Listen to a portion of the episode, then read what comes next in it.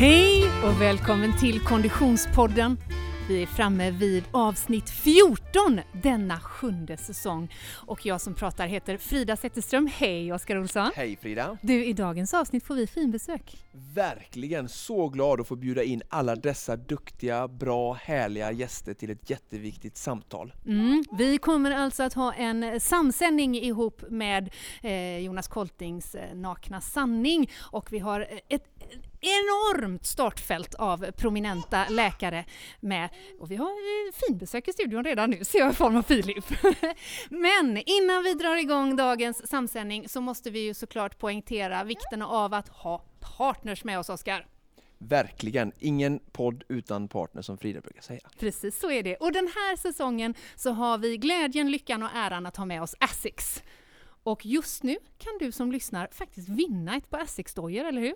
Verkligen, det pågår en rad olika vet du, utlottningar och chanser att vinna saker i våran eh, fullspäckade adventskalender och från Asics har vi just nu en lucka med eh, Fujisetsu 3 GTX, eh, deras dubbsko som jag själv springer i med glädje nu när det är snö ute. Och eh, den kan man som sagt vinna, så det är perfekt för att, att eh, springa nu när det är snö och is ute. Perfekt! Tusen tack för att ni är med oss Asics under hela den här säsongen. Och vi säger också tack så mycket till Odlo som är med oss den här säsongen. Och det här är ju helt klart Odlos högtidstid, eller hur? Verkligen. Underställ, vinter, skidor. Ah, ja, man behöver inte säga något mer. Jag hade ju faktiskt med Odlows underställ och visade i Nyhetsmorgon eh, eh, nu i veckan eftersom vi pratade om de eh, bästa underställen och då är det ju helt klart Odlows eh, ett par där. Och de har ju två olika sorter framförallt som passar den här tiden. Mm. Eh, de har ju flera funktionella underställ men de har ju ett, en varmare eh, variant som är riktigt bra. Provade du det när du var uppe i Orsa Grönklint? Nej, jag provade däremot en väldigt massa andra produkter i deras längdskidserie som jag såklart är supernöjd med. Eh, så det gjorde jag, men jag vet att Simon har lovat mig ett underställ också. Men jag, har inte, men jag hade lite andra produkter, men just det här understället du pratar om har jag inte provat än. Nej, men det är bra. Odlo har ju produkter eh, för längdskidor och för all eh, vinterträning faktiskt. Och så har vi ju med oss vår tredje och nytillkomna partner i form av Silva. Ljuset i mörkret när du som bäst behöver det. Precis. Jag kanske kan få bli marknadsspråkrör. ja, Silva är vår poddpartner eh, under de här sista avsnitten eh, i december och i eh, faktiskt början av januari också. Ja, och just nu så är det faktiskt så att om du är sugen på att investera i en väst ifrån Silva så är det eh, your time to shine, bokstavligt talat. För just nu har vi en rabattkod som du använder på silva.se.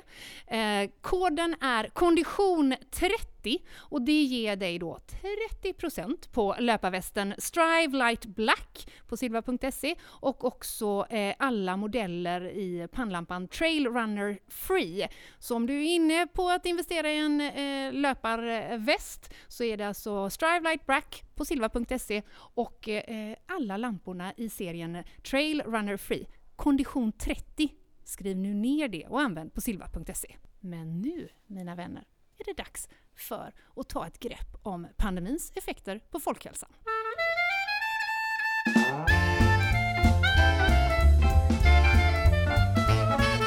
Hej och välkommen till mellan Konditionspodden och Koltings nakna sanning. Eh, vi sänder direkt ifrån eh, Sockerbruket i Göteborg, eh, kommunikationsbyrån Fredags lokaler.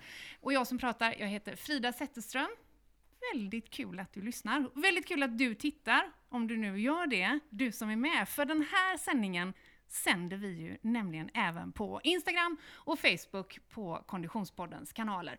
Och om du tittar live, då har du alla möjligheter i världen att vara med i den här sändningen. Vi vill jättegärna ha dina inputs, dina kommentarer och framförallt din kärlek så vi känner att du är med oss. Tryck på hjärtat som man brukar säga när man livesänder helt enkelt.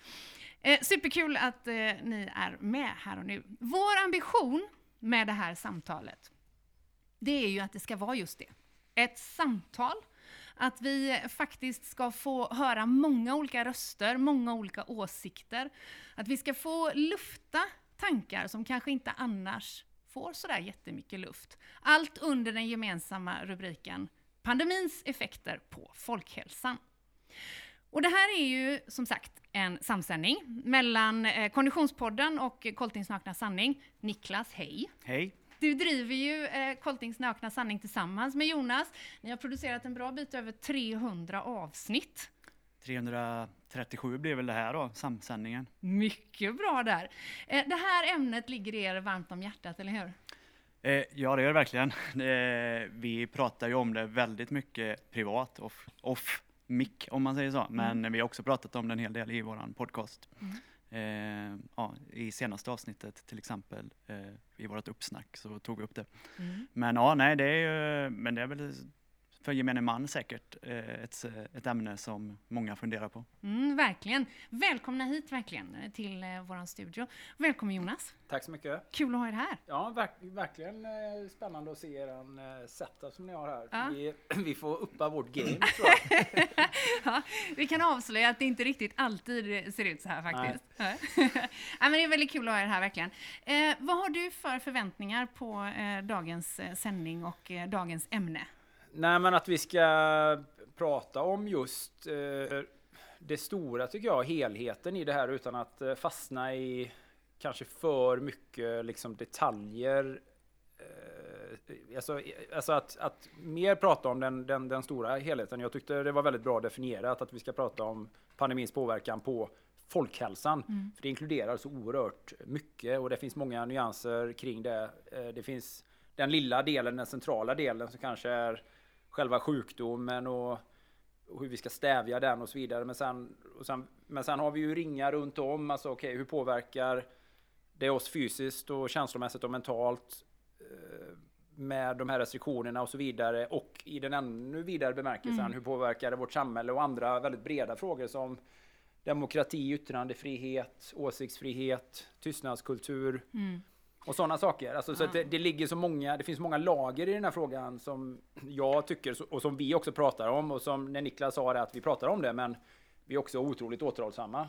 Därför att vi vet att man pratar inte om det här ostraffat idag på något sätt. Nej, Därför- men eller- vi, ja, vi ja, försöker ha ja, högt i det- tak här, det är bra. Ja. Men det är, det är stora skor att fylla och det är en rymlig hatt och, och vi ska vara klara innan vi skriver 2022 i almanackan. Så att vi, vi tänker ändå att vi, vi försöker rama in det lite, Ja, tänker vi. Eh, Oskar, vilket gäng vi har med oss nu? Verkligen. Eh, kul eh, att alla som har anslutit. Tack till alla er som sitter med här.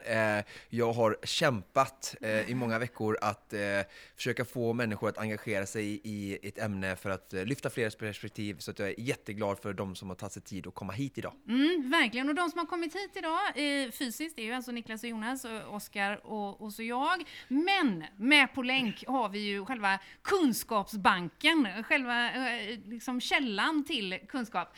Eh, vi säger hej till Amanda Lahti, ST-läkare i allmänmedicin i Malmö. Hej Amanda! Hejsan!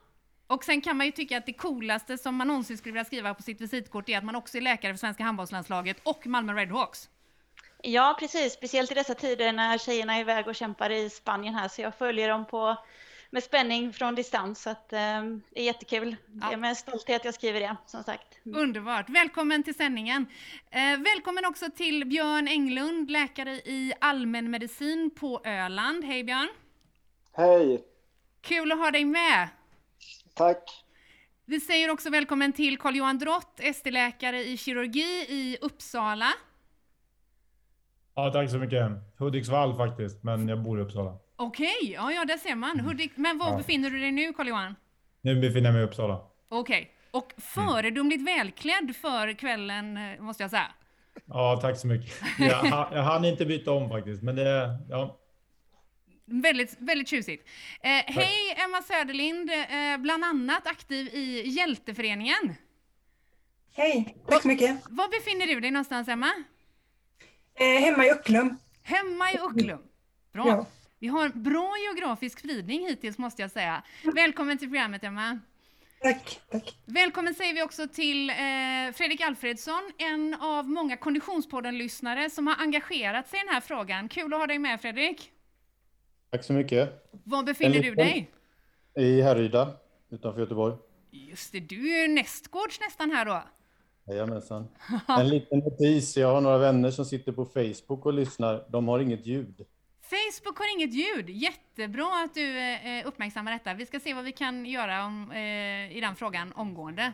Och man kan också då säga att skulle det vara så att man tittar på Facebook, då hör man ju för sig inte att jag säger det nu om man inte har något ljud. Men eh, eh, Instagram kanske är en bättre kanal att eh, eh gå till. Men tack för den inputen Fredrik. Eh, avslutningsvis har vi också med oss Peter Tackak. Var har vi dig? Hej Peter! Hallå, hallå, jag sitter här i Trollhättan. Precis, läkare baserad i Trollhättan. Eh, fint att ha dig med i programmet. Tack. Och vi ska också nämna att vi kommer få ytterligare besök. Vid klockan 19.45 så ska vi släppa in överläkare Ralf Peker som just nu håller en föreläsning. Eh, han tar sig tid i sin kaffepaus att vara med om en liten stund. Okej, grymt gäng. Eh, för allas vetskap då, ni som är med på länk, det är ju så vi jobbar eh, i de här tiderna och eh, har gjort under en lång tid. Eh, feel free och bara hoppa in i diskussionen när som helst. Man behöver inte vänta på att få ordet eh, dedikerat. Känner ni er bekväma med det? Ja. Absolut. Härligt, mycket bra. Men om vi då startar i dagens rubrik. Och Jonas, jag lägger det i ditt nätta knä att bara säga, hur, hur, hur går dina tankar om dagens ämne? Ja, ja men eh, ja, det, ja, det, ja, precis. Ja, det var en, det var en enkel fråga att svara på. Verkligen. Nej, men eh, jag eh, känner väl att det finns liksom många aspekter att prata kring runt det här som Om jag tvingar dig att säga vad som ligger top of mind av aspekterna, vad känns mest aktuellt just nu? Ja, men vad som känns väldigt aktuellt nu, det är ju kanske den situationen vi upplever precis just nu när vi pratar om eh, när vi pratar om vaccin eller när vi ja, en vaccinpass faktiskt är i effekt. Mm. Vi pratar om utökad eh, användning av det och eh, den som jag tycker då den splitten i befolkningen som man sår i det här och eh, de frågorna som det omedelbart väcker kring eh, vad det innebär och betyder ja, för folk ja. och eh, vad det får för konsekvenser långsiktigt.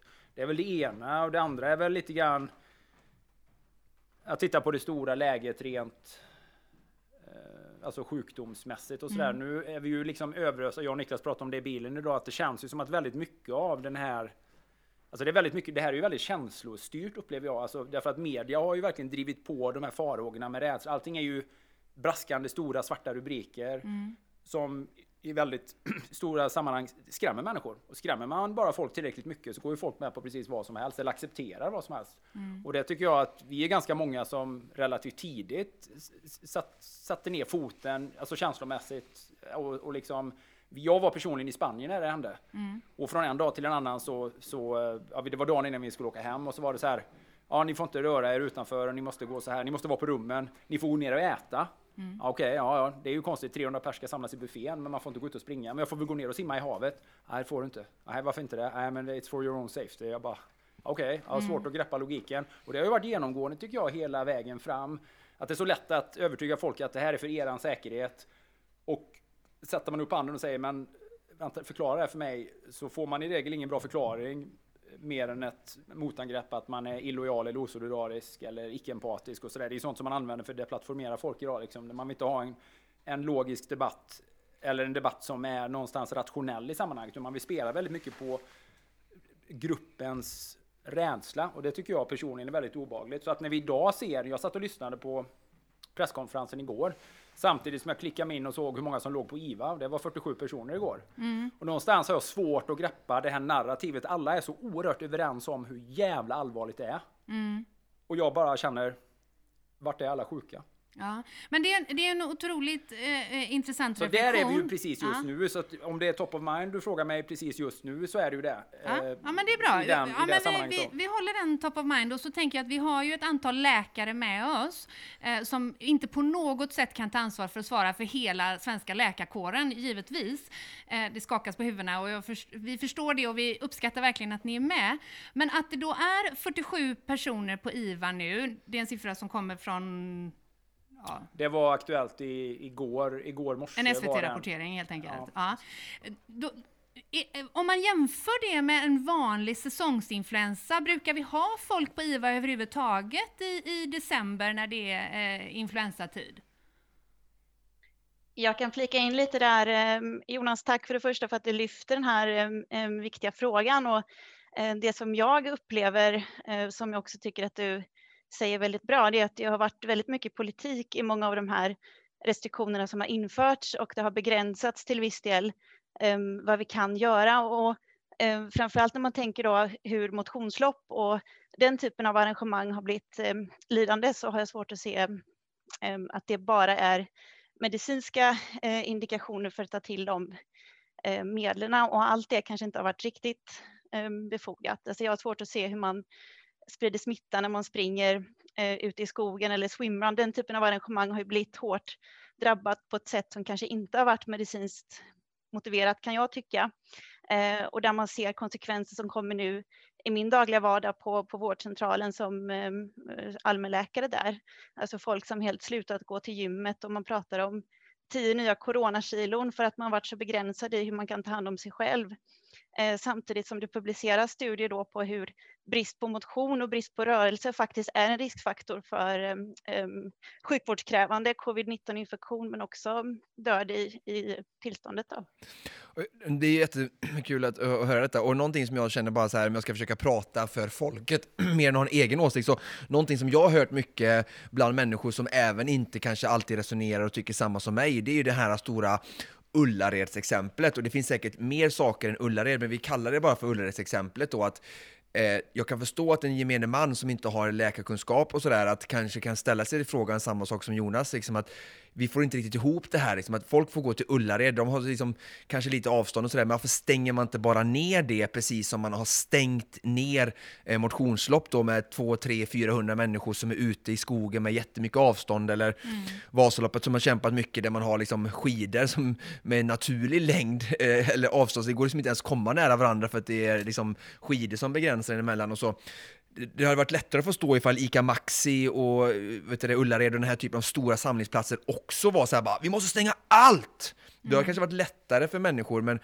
eh, det är nog tror jag någon som, som människor, vanliga människor har ställt sig liksom undrande till och kanske inte riktigt förstår, även om det kanske finns en naturlig förklaring bakom. Jag kan väl bara fortsätta, jag vill bara fortsätta mitt resonemang lite grann, för att nu också någonting som är påfallande tydligt, i alla fall för mig som absolut lekman i det här, att vi klarar oss ändå väldigt bra i Sverige just nu jämfört mm. med jämförelse. Vi har ju haft eh, historiskt i det här väldigt en väldigt liberal syn ändå på nedstängning. Absolut, våra väldigt många aktiviteter, jag menar i det som vi annars jobbar med, jag och Niklas, är ju allting varit extremt eh, påtagligt drabbat och nedstängt och sådär. Men tittar vi på de länderna där man tidigt införde drakoniska åtgärder, Spanien, Italien, ja, många europeiska länder, man stängde in folk inomhus, mm. vilket ju för mig är helt sinnessjukt. Jord, alltså, om man inte var sjuk innan så blev man ju sjuk av det. Mm. Svag, sjuk, rädd eh, och så vidare. Osund om inte annat. Va? Men mm. det verkar ju som att de länderna drabbas ju väldigt hårt nu. Och det verkar ju uppenbart att vad vi än gör och hur vi än ser på det här så är ju det här viruset, liksom alla andra virus som finns, det här är ju vare sig det första eller sista viruset, är ju här för att stanna för all framtid i olika former, yeah. olika mutationer. Och jag vi, kan flika in där Jonas, jag tror du har helt uh, rätt i det. Alltså, vi kan nog inte ha en nollvision vad gäller corona. Hör ni mig förresten? Ja, nej, men, nej, men vad, vad tacksamt, ja. vad, vad, vad befriande det hade varit att höra någon säga så här. Vi måste på något sätt lära oss att leva med det här. Eh, vi mm. måste på något sätt lära oss att acceptera det här. Det verkar kanske som att det här, och det här är väl säkert att trampa i galen tunna, men att säga att det här kanske till och med skulle ses som någon form av livsstilssjukdom eftersom det är då, förutom de som då är väldigt gamla och sårbara och multisjuka, där allting faktiskt är farligt, alla andra mm. sjukdomar, så verkar det här vara så att det drabbar i en mycket, mycket hög utsträckning folk som är i väldigt dålig form, väldigt överviktiga och eller röker och så vidare. Mm. Eh, och då borde ju råden vara, eller någonstans insikten samhällsmässigt vara att vi måste uppmana människor att ta bättre hand om sig själva, bli starkare, friskare, att man borde tidigt ha sagt så här under första sommaren när pandemin gick ner. Ta nu chansen alla ni som känner att ni är i riskgruppen. Gå ner 15 kilo vikt. Sluta röka. Kom ut i solen. Vi måste lära oss att leva. Vi kommer inte att kunna isolera det här viruset på det sättet. Det kommer inte att självdö. Vi kan ju inte spärra in folk hemma. Vi kan ju liksom inte säga så här. Vi får aldrig krama varandra längre. För viruset kommer ju alltid att finnas. Mm. Så någonstans blir det så här att det blir man tittar på världen omkring sig så ser man att de som införde de här drakoniska åtgärderna, ja de har ju det sämre än någonsin verkar det som. Vi som har varit liberala hela vägen, någonstans verkar det vara som att vi är väldigt många som har haft covid, Fast som utan vi har varit he- jag har haft det, jag har varit helt asymptomatisk. Mm. Jag har haft, haft antikroppar och har antikroppar sedan jättelänge tillbaka. Det verkar jag dela med väldigt, väldigt många andra. Och det kanske är vägen vi behöver vandra för att vi någonstans komma vidare i världen. Jag vet inte. Och där ska jag flika in och säga liksom att det är ju jättespännande är det här att hade jag inte på något sätt eh, emot vaccin per se på något sätt. Just detta vaccinet kan jag tycka och kommer komma in senare på lite kan tycka att det finns lite oklarheter runt som jag gärna hade fått förklarat för mig mer. Men jag är absolut ingen vaccinmotståndare. Men, och jag hade Magdalena då, eh, vår nya statsminister, så, som hade presskonferens då, och det som jag känner att jag verkligen vill lyfta här idag är ju att jag har haft mycket lättare att respektera hennes rekommendation och hon säger ni, du Oskar måste gå och vaccinera dig nu igår på presskonferensen. Och hon hade också i andra handen stått vid vågskålen och sagt så här, men det är också viktigt att alla ni där ute ni måste börja ta ansvar, ni måste hjälpa sjukvården genom att träna lite grann, ni måste äta sundare, för det här är ett problem. Folkhälsan är för dålig för att kunna hantera den här typen av virus som vi ser nu och det kan komma ett till sån här virus om fem år. Hade hon sagt i samma andemeningen och liksom nu ska vi hjälpa läkarkåren eller läkarkåren, vi får rapporter om det och bla bla, samtidigt som hon höll med vaccinet i andra handen, då kanske jag hade kunnat ha mycket lättare och nu ska jag inte säga ta en för laget liksom, men, men liksom, det blir, Mm. hon har varit mycket mer trovärdig i mina ögon i alla fall och jag Mm. verkar ju vara ensam där. Det tror inte du är Jag skulle, ensam. vilja, jag skulle vilja flika in där också. Och, eh, jag tycker det är jättespännande att höra er diskussion. Men eh, det som jag tror, för, för du pratade lite om det här med skrämsel eh, i media och så, eh, Jonas, vilket jag tycker är bra att du tar upp. Men det är också så att de konsekvenserna som vi ser av viruspandemin, de är ju påtagliga för oss här och nu och de är, förhållandevis lätta att visa med siffror och dödstal, antal sjukhusinläggningar och så. Eh, Men det som, som också är viktigt att, att lyfta i detta, som, som jag tycker är väldigt bra med den här debatten, det är att ehm, det kommer i, eh, i svallvågen av detta också andra konsekvenser på sikt. Mm. Ehm, och, och de effekterna Ehm, tar tid att visa i studier, de är svårare att visa i studier, ehm, men det kommer och det kanske kommer inom något år, fem år, tio år, eh, där vi ser hur folk hoppar av från föreningsidrott. Det kommer kanske vara förlorade generationer som vi måste fånga in och få igång i rörelse. Eh, som jag sa i mitt vardagliga liv på vårdcentralen, folk slutar gå till gymmet.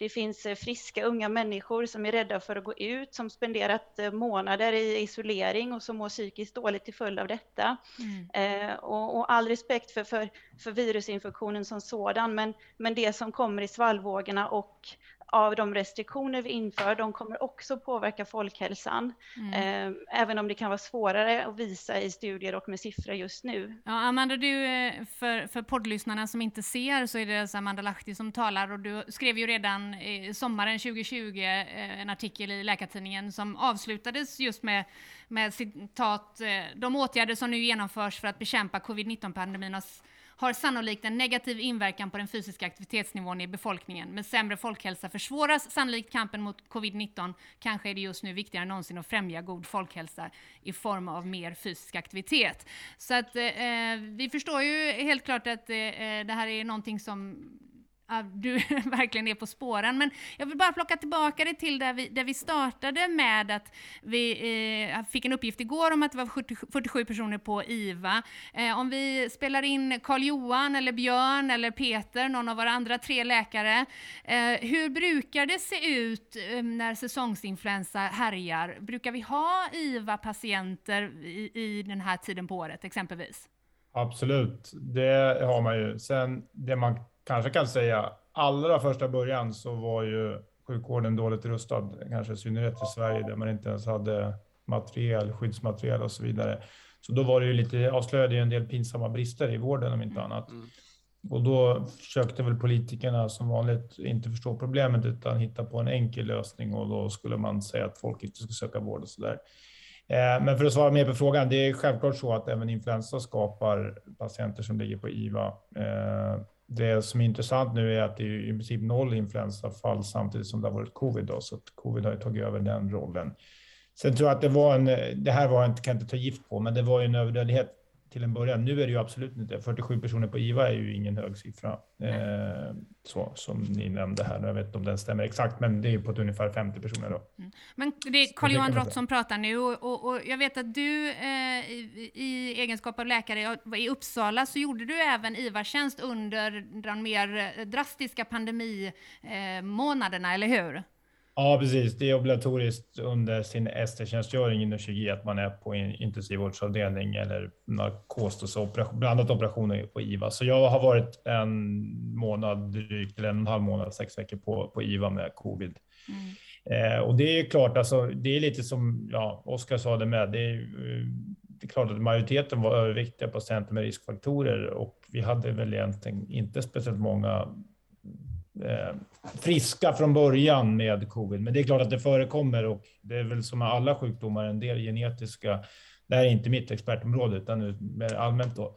Men en del har ju en, en arvsmassa som gör att man kanske har större risk att få just må dåligt av covid och det är väl det som har hänt med vissa personer. Vi hade bland annat i Hudiksvall då, som inte är enormt två, ja, som var släkt då, båda hamnade på IVA och det antyder att det var någonting där då som, Mm. ja, som ett litet exempel i det stora. Björn, eh, eh, Ja. Eh, alltså sen ska vi ju inte, vi stirrar oss gärna blinda på IVA-siffror på något sätt, att det ska representera belastningen av covid på sjukvården. Och visst, det är få IVA-intagna, men alltså effekten av corona för en IVA-patient, den är ju nästan till 100 procent för den individen. Och diskussionen måste också röra sig mellan liksom individnivå och befolkningsnivå. Eh, det finns ju hundratals som vårdas just nu på vanlig vårdavdelning också i Sverige för en eh, covidinfektion. Och jag som jobbar på vårdcentral arbetar med patienter alltså varje dag, i alla fall varje, kanske inte varje dag, men i alla fall varje vecka, som har långtidseffekter av post-covid. Så det är, alltså det är en potent sjukdom. Och eh, vi ska inte gå i fällan att bara, eh, bara eh, bestämma, alltså prata om, om belastningen utifrån IVA. IVA-platser. Eh, Björn, du är, du är ju läkare i allmänmedicin på Öland. Eh, För många Mm. utav eh, våra lyssnare, både Coltings Nakna Sanning och Konditionspodden, så är du ett bekant ansikte som swimrun eh, dubbelmästare, va eller? I Göteborg? Alltså, ja, jag, jag säger så här, det är tri trippel faktiskt till och med, men det är extremt gamla meriter. Men jag försöker verkligen leva på de här Vet gamla meriterna de- så länge jag kan. Det går utmärkt. det, det är inte så gamla som mina. Så att jag menar, jag, försöker, jag är ju, jag är ju, jag är early generation liksom. Ja, så att, jag känner eh, att vi har nog sällan haft så många samlade mästare i ett och samma vi poddavsnitt i alla fall. du och jag Björn, vi har ju retromeriter men eh, likväl Verkligen. meriter. Så att, eh, Men du Björn, Men, men, men du har ju ändå kört några lopp efter där. Jag, Ja. jag liksom la ju verkligen upp skorna på hyllan kan man säga Ja, efter bra. det 2015. Du- du så det är ett tag sedan. Ja. den karriären med flaggan i topp. Men Björn, jag skulle bara vilja att du, om du har lust att replikera på Oskars eh, eh, önskan om att Magdalena Andersson i samma andetag som hon proklamerade att alla borde gå och vaccinera sig, också borde ha sagt och nu borde alla också börja träna. Hur ställer sig hur ställer, hur ställer du dig till den tankegången och till det önskemålet? Eh, absolut. Alltså, i, inom allmänmedicin så jobbar jag med sjukdomar som, alltså mer än hälften av de sjukdomar jag stöter på skulle kunna undvikas eller i alla fall förbättras av en sundare livsstil. Det är hjärt-kärlsjukdomar, det är eh, sjukdomar associerade till alkoholintag och rökning. Eh, det är livsstilssjukdomar och jag pratar ju om patient, med patienter om det flera gånger varje dag och i de flesta patientmötena. Som allmänläkare så har man liksom ett holistiskt ansvar för patienten.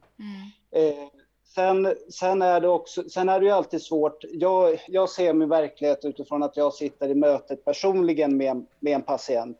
Magdalena Andersson talar ju mer till en stor population. Det är det som gör diskussionen så det är svårt att eh, när man ska diskutera om man ska utgå på individnivå den patienten som ligger på IVA just nu, för den är corona 100% eller på populationsnivå. Och på populationsnivå ska vi verkligen prata om livsstilsförändringar och eh, vad liksom en, en sund livsstil kan göra, dels för att förbättra eller för, för att förebygga massa komplikationer av covid, men också massa andra sjukdomar som upptar jättemycket resurser av sjuk, för sjukvården, absolut. Mm. Sen när man väl sitter med en covid-sjuk patient så är det ju svårt att i, i det mötet lyfta eh, livsstilsförändringar som man skulle gjort för flera år sedan. Mm.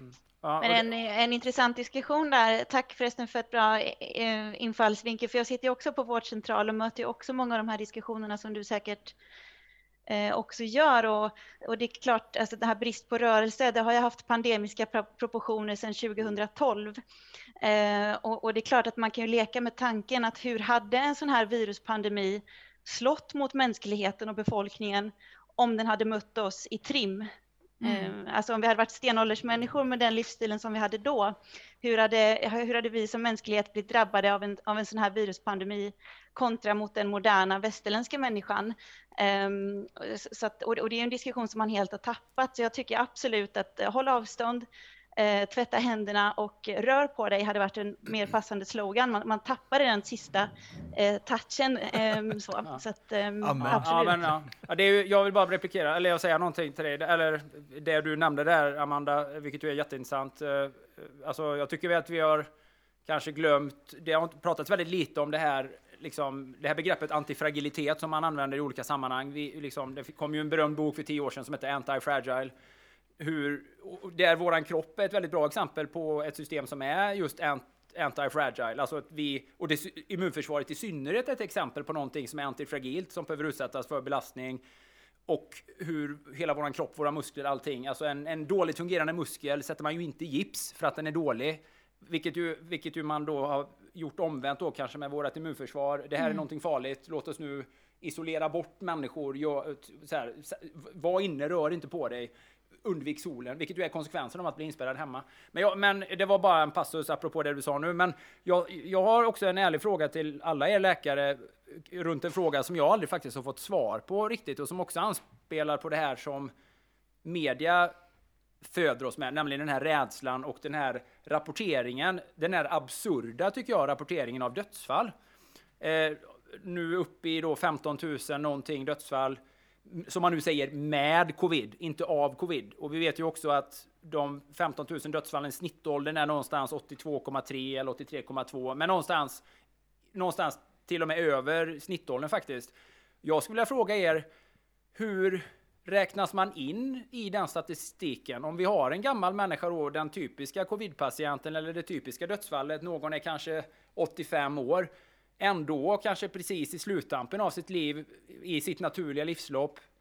Man är redan sjuk i flera olika sjukdomar, man kanske har cancer, man kanske har demens, man, man är helt enkelt väldigt, väldigt gammal.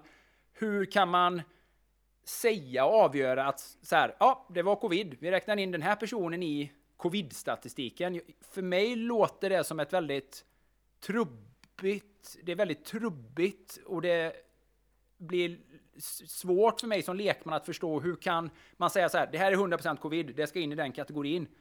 Eh, det känns som ett, ja, det, det, jag, jag, jag vet inte riktigt hur det fungerar bara. Hur, Peter, eh, har du eh, möjlighet att svara på det?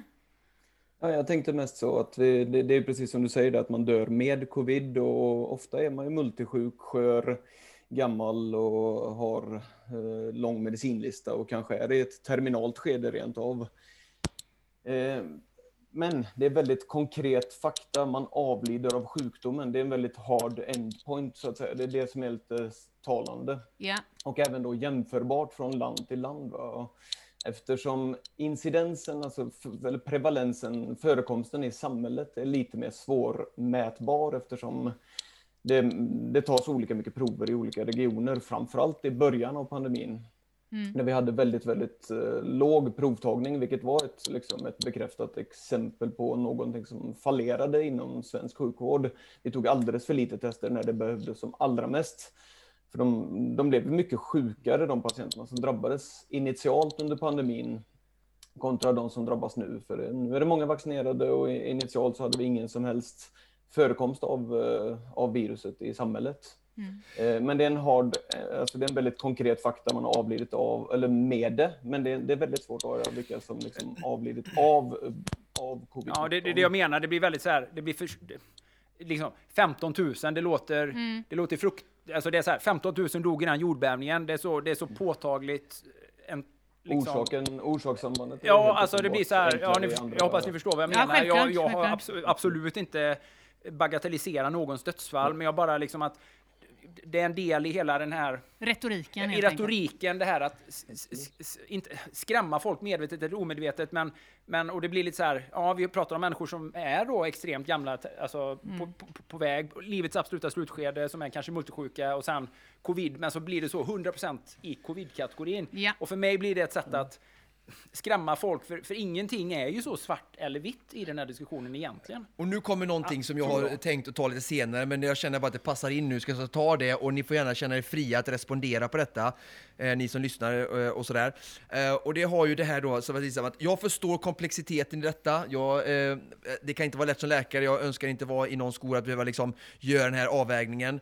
Eh, men det som gör mig så eh, fundersam och faktiskt liksom lite upprörd är ju just att Ja, det är okej att det är svårt att bedöma eh, och jag köper det. Men samtidigt när man vet hur, vilka konsekvenser vi bygger våra politiska beslut så borde vi vara mycket mer eh, ifrågasättande i, som befolkning och som läkare och som sjukvård i hur exakt verkligen är vi säkra? För om vi rapporterar in det här som ett dödsfall så kommer det få konsekvenser i form av nedstängningar som i sin tur kommer att ha konsekvenser. Och nu ska jag berätta för er någonting att i mars eh, så rapporterade SVT Vetenskap, mars 2021 i år, Eh, det var två experter på global, inom global hälsa som har kontrollerat FN-statistik som kommer från bland annat Unicef och UNIAIDS. Där det visar sig att minst lika många vid den tiden, 2,5 miljoner människor har då dött av covid, bekräftat eh, eh, enligt WHO, hade även dött av coronarestriktioner. Alltså, hur vi rapporterar våra fucking dödsfall, ursäkta uttrycket, är så viktigt när vi ser på våra konsekvenser det är. Så här som att jag måste tänka mig när jag är med min son, när jag har mitt språk eller hur jag beter mig, för det får sådana konsekvenser, hur han kommer växa upp och vad han kommer göra. Och samma sak när vi bara rapporterar detta och liksom har respekt och förståelse och lyfta vad händer om vi rapporterar in 30 000? Vilka restriktioner kommer vi få då? Och vad kommer de innebära? Eh, och i, till detta då så var det så att nio, man har delat upp eh, världen som ni vet om i medelinkomst, höginkomst och låginkomstländer. Nio av tio av alla de här 2,5 miljoner människorna som dog i covid var 60 plus och inräknas i de rika välbeståndliga länderna. Av de 2,5 miljoner människor som dog till följd av corona, alltså coronarestriktionerna, nedstängningar och påverkade ekonomin, det var fatt, drabbade fattiga länder, merparten, och unga. Så konsekvenserna av rapporterade dödsfall i världen, i WHO, i Sverige, och, liksom när någon dör på ett äldreboendehem, det är hur tragiskt som helst, men som Jonas säger, de är 88, de kommer in i en statistik. Det är det här jag inte förstår, varför det inte lyfts och tar på mer allvar. Jag har full ödmjukhet och respekt för svårigheten, komplexiteten och sådär, men det känns som att det lätthändigt har rapporterats in i statistik som har fått oanade konsekvenser som vi inte hade en aning om i januari 2020. Det är naturligtvis både att det rapporteras in och det är också att det rapporteras ut. Nu har vi ju ingen representant för media här som ju egentligen är en ganska viktig spelare i det här. Det är du Eh, det. Ja, nej, den, den hatten bär jag inte idag kan jag säga. Men, men jag kan bara säga, jag är ju, 40, jag är ju 49 snart. Eh, I min, I min ålderskategori 40, 49, och Niklas är ju också mellan 40 och 49. Du är inte nått dit än, eh, Oskar, du är junior Oskar. Men, Snart 40. men Hallå. i, I min kategori 40 till 49 så hade till dags dato så vitt jag vet, jag fick uppgifterna mejlade till mig här, så, så har det avlidit eh, 73, 73 män under den här epidemin då, i min ålder, har avlidit. Eh, Var kom Av- den siffran av- ifrån? eh, av, från Socialstyrelsen, som jag förstår det. Och Jag kan flika in lite där också om det är okej. eh, men jag, jag ville bara säga, jag ville bara fortsätta Ja, där. Mm. Och, apropå, och koppla det till de stora dödsriskerna för män i min ålder. Det Mm. är ju suicid. Liksom. Vi pratar om Prostatacancer. Ja, men, men, men, väl, menar, om, vi, om vi pratar om det som Ja. du var inne på Oskar, alltså konsekvenserna av de här nedstängningarna, tystnadskultur om vi får kalla det det, men att om man inte har vaccinerat sig, att känna sig utanför, bli utestängd, inte kunna tjäna pengar till sin familj, att förhålla sig till icke-logik, kognitiv dissonans. Jag menar alltså den stora döds, eller en mycket större risk för mig då i sammanhanget, eller för folk, människor i min ålder, är ju konsekvenserna av just nedstängningarna. Men, men rent generellt är ju suicid en mycket större risk för en man i min ålder. Och det pratar man väldigt lite om. Visst, vi pratar om psykisk ohälsa och sådär också, men det är lite grann bara det är liksom en underström i diskussionen. Ja, men det, det är verkligen intressant och jag tror att vi kommer att hamna där eh, eh, senare i den här sändningen också, för det är ju lite det som är en, en del av folkhälsan i det stora begreppet. Eh, Fredrik eh, Alfredsson som är här i egenskap av, av eh, privatperson och Konditionspodden-lyssnare. Eh, jag ska inte måla in dig i samma ålderskategori som Jonas, för det har jag inte koll på. Amanda, du får hålla din inflikning kvar där ja, i huvudet. Absolut. men, men jag tänker, hur går snacket i din bekantskapskrets om just nedstängningarnas konsekvenser och eh, eh, rädsla för pandemin som sådan? Alltså jag vet ju innan jag beslutade mig för att vara med idag så har jag ju diskuterat med rätt många i min bekantskapskrets som jag vet är betydligt mer insatta i, i frågan. Men eh, folk är alltså rädda att vara med och prata om problematiken. Det säger ganska mycket om om medias påverkan av att folk, liksom, folk är livrädda att förlora vänner, att bli utfryst, att eh, eh, så, så, för min del är ju det, det är hemskt att det ska vara så i Sverige. Mm. Eh, jag vet ju liksom eh, Facebook och andra medier, där kan det vara väldigt hårt klimat, men att man inte ens kan liksom lyfta frågor och annat, det, det tycker jag är fruktansvärt. Eh, och då kände jag, men då får jag lyfta de frågorna från, från som privatperson och lekman också. Bra, vad, Fredrik. vad skulle du säga Fredrik att det är för åsikter som man inte vågar lufta? Nej men det är ju, det är ju vi och dem. Det är ju det det hela handlar om och det tycker jag är så fruktansvärt fel. Vi är alla samma båt, vi har samma problem mm. eh, som vi måste lösa tillsammans. Det är inte vi och dem. Utan det är liksom, och, och om det är någon som säger någonting, då är man ju idiot eller eh, olärd eller eh, konspiratorteoretiker eller någonting annat. Liksom. Och då blir det liksom, det är ju ett jätteeffektivt sätt att tysta folk som inte är starka. Mm. Uh, och, och, och väldigt många har värdefulla uh, uh, åsikter. Sen har jag väldigt goda vänner som tycker helt tvärtom om mig, men vi är så bra vänner och de är fina människor som fattar att vi kan ha olika åsikter och det är så man vill att samhället ska vara för mm. alla. Det, så lever vi ju i ganska många andra frågor, tänker jag. Vi, vi, vi röstar ja. inte alla samma och äter inte alla samma och, och, gör inte alla samma i övriga frågor, så det borde vi klara av.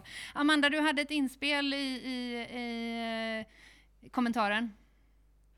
Um, ja, ja, men uh, jag tycker det är en väldigt spännande diskussion så här långt, men, men uh, tillbaka lite till det som du pratade om där Jonas, alltså det första Eh, som jag tycker är viktigt att uppmärksamma, vilket ni redan har gjort, är att vi säger ju idag och det skrivs i tidningarna att man dör med covid och inte av covid. Eh, det är en stor, en stor mm. skillnad. Och sen, sen är det faktiskt första gången som vi som läkarkår möter en pandemi med det informationsflödet som finns idag. Det är så himla många som kan tycka, tänka, Eh, Eh, och vara öppna i sociala medier och informationsflödet för gemene man, det är högre än någonsin. Och det är inte lätt att, eh, att sålla i detta vad som är korrekt och inte. Eh, och vetenskapen i sig, alltså forskning och forskningsstatistik, det är inte heller alltid så svart eller vitt. Eh, och det tror jag gör det väldigt svårt för gemene man att och tolka forskning, men också hur det framhävs i media, vilket komplicerar bilden. Eh, samtidigt som det kanske har varit läskigt och obehagligt att kliva fram i de här forumen också som vetenskapsman.